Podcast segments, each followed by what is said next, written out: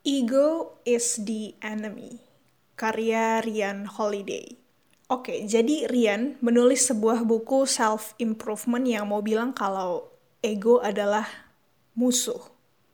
Dia pengen membantu pembacanya untuk menekan egonya sekecil mungkin sebelum itu merusak hidup mereka. Kenapa? Emang sejahat itu ya dampak dari ego? Ngomongin soal ego, ego ini bisa diartikan sebagai sebuah prinsip keyakinan yang kau pegang teguh, kepercayaan diri, harga diri. Kalau egomu tinggi, berarti prinsipmu kuat, harga dirimu selangit. Dengan tingginya standar itu, biasanya orang yang punya ego tinggi ingin diperlakukan setara dengan level tinggi yang dia terapkan ke dirinya. Dia akan merasa direndahkan kalau misalnya mendapatkan perlakuan yang mencederai harga dirinya.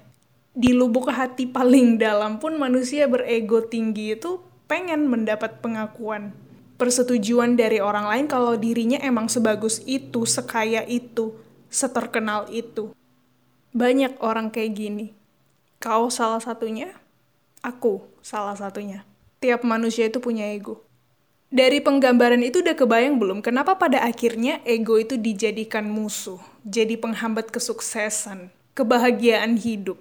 Ya gampangnya kalau kau ngerasa egomu tinggi, Coba tanya ke dirimu sendiri. Kira-kira sampai sekarang apa yang menghalangimu untuk mencapai sesuatu yang kau impikan? Buku ini dibagi jadi tiga bagian besar. Bab satu judulnya Aspire, A-S-P-I-R-E. Bab dua Success, bab tiga Failure.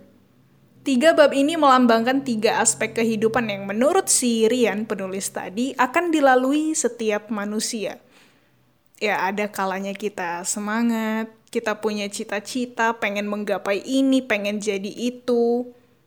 Terus setelah bekerja keras, akhirnya kita mulai mendapatkan hasil. Kita sukses.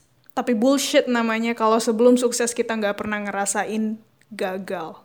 Jadi ya ada benarnya kalau tiga aspek tadi digunakan untuk mencerminkan lika-liku hidup manusia. Dari ketiga aspek itu apa peran si ego ini? Dia ngerusak dia memperparah, dia menghambat, sampai pada akhirnya dia menjatuhkan. Ego mengubah cita-cita mulia menjadi sebuah ambisi yang self-centered, keakuan yang sangat tinggi. Aku pengen lebih baik dari dia, lebih kaya dari dia, lebih terkenal dari dia atau dari semua orang. Ketika udah sampai di puncak, sukses nih ceritanya. Semua mata tertuju padamu, terus kau jadi spotlight, ego bisa loh mengubah kesuksesan itu dari yang awalnya sesuatu yang kau inginkan menjadi hal terburuk yang pernah terjadi dalam hidupmu. Caranya gampang, fokus ke spotlight, indahnya popularitas, dan lupakan value atau prinsip yang tadinya udah membawamu sampai ke puncak. Aku punya satu subbab favorit dari masing-masing tiga bab tadi. Mulai dari bab 1, Aspire. Isinya ada 10 subbab dan yang jadi favoritku adalah yang berjudul Follow the Canvas Strategy. Bayangin sekarang ada kanvas kosong di depanmu. Yang harus kau lakukan adalah menyiapkan peralatan lukis mulai dari cat, kuas, wadah untuk menuangkan catnya, gambar apa yang mau dilukis, dan kau jugalah yang akan melukis di kanvas itu. Nantinya hasil lukisanmu harus diserahkan ke si bos untuk dijual. Orang yang membeli lukisanmu nggak perlu tahu kalau kau adalah sosok berbakat di balik lukisan itu. Bosmu juga nggak akan memperkenalkanmu ke klien-klien pembeli di luar sana. Meskipun effortmu lebih besar, tetap bos dan perusahaanmu yang bakal dikasih penghargaan. Banyak orang nggak terima ketika kerja kerasnya nggak diapresiasi. Banyak orang yang gengsi memulai karir dengan posisi entry level yang gajinya mepet UMR banyak orang yang gak mau menghandle pekerjaan yang terlalu mudah, terlalu remeh, karena dia ngerasa punya kemampuan yang lebih daripada itu. Yang dilakukan orang-orang semacam ini biasanya kalau nggak menyalahkan sistem, ya langsung ngerasa kalau hidupnya apes, dan akan seterusnya seperti itu. Tapi satu hal yang mereka nggak lakuin, mereka nggak memandang pekerjaan kasar dan remeh-temeh itu sebagai waktu yang tepat untuk belajar, waktu yang tepat untuk menyerap segala hal di sekitarnya Mereka mungkin lupa kalau pekerjaan di posisi tinggi itu adalah hasil akumulasi pekerjaan remeh-temeh yang berhasil. Hal besar itu asalnya dari hal kecil yang diseriusin. Next, dari bab 2 yang judulnya Success. Ada 9 subbab dan yang paling aku suka adalah Don't tell yourself a story. Salah satu aktivitas paling menyenangkan di dunia ini tahu nggak apa? Menghayal. Serius. Apalagi ketika realita mulai nggak sesuai dengan yang kita mampu. Cuma dalam hayalan lah kita bertemu dengan kehidupan yang kita mau. Cuman efek samping kalau kebanyakan berhayal adalah kita lupa untuk mengeksekusi kita terlena memikirkan hal-hal seru yang akan kita dapatkan ketika nanti berhasil mewujudkan mimpi atau hayalan kita itu. Katakanlah cita-citamu pengen jadi model profesional. Bukan selebgram yang jago pose ya, bukan, beda itu.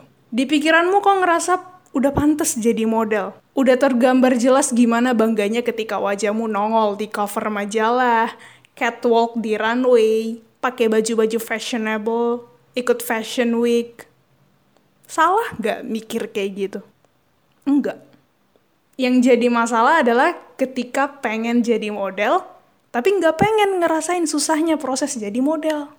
Nggak tahan dengan latihan catwalk berjam-jam, nggak mau ngerasain kaki lecet karena latihan pakai high heels, nggak kuat kalau pose atau bentuk badannya dikomentarin. Kebanyakan orang emang cuman pengen tampil aja, tapi nggak mau berjuang. Yang terakhir dari bab 3, failure, kegagalan. Ada tujuh subbab dan aku paling suka dengan yang judulnya The effort is enough. Usaha saja sudah cukup. Subbab ini adalah musuh terbesar kaum-kaum perfeksionis dan result oriented ya. Oh, oh sama orang-orang yang haus akan popularitas dan exposure bisa juga sih. Di sini penulisnya mau bilang kalau doing the right thing was enough. Perkara pekerjaanmu diapresiasi atau enggak, karyamu banyak yang nge-like atau enggak, it doesn't really matter kalau kau memang pengen nafas karirmu panjang.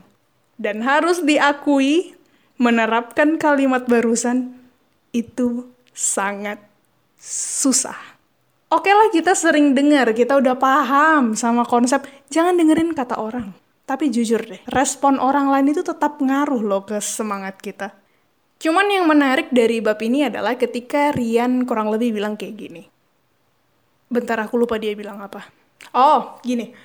Maukah kita bekerja keras untuk sesuatu yang akan dirampas dari kita?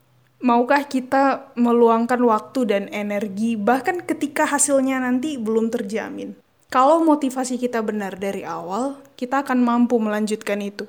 Tapi kalau mentingin ego doang, gak akan bisa. Kita tuh gak bisa mengontrol apresiasi orang atas kerja dan usaha kita. Validasi, pengakuan itu sepenuhnya urusan mereka. Terus kita jadi gak ngelakuin apa-apa gitu? Jadi gak berkarya gitu karena takut hasilnya mengecewakan dan gak membuat kita jadi terkenal? Man, I love this book. Dan aku berharap kau juga Rian Holiday ini tipikal orang yang kalau di kehidupan nyata itu temennya dikit. Karena banyak yang benci sama dia. Kenapa coba? Karena dia jujur. Dia ngasih tahu hal yang gak pengen kau dengar.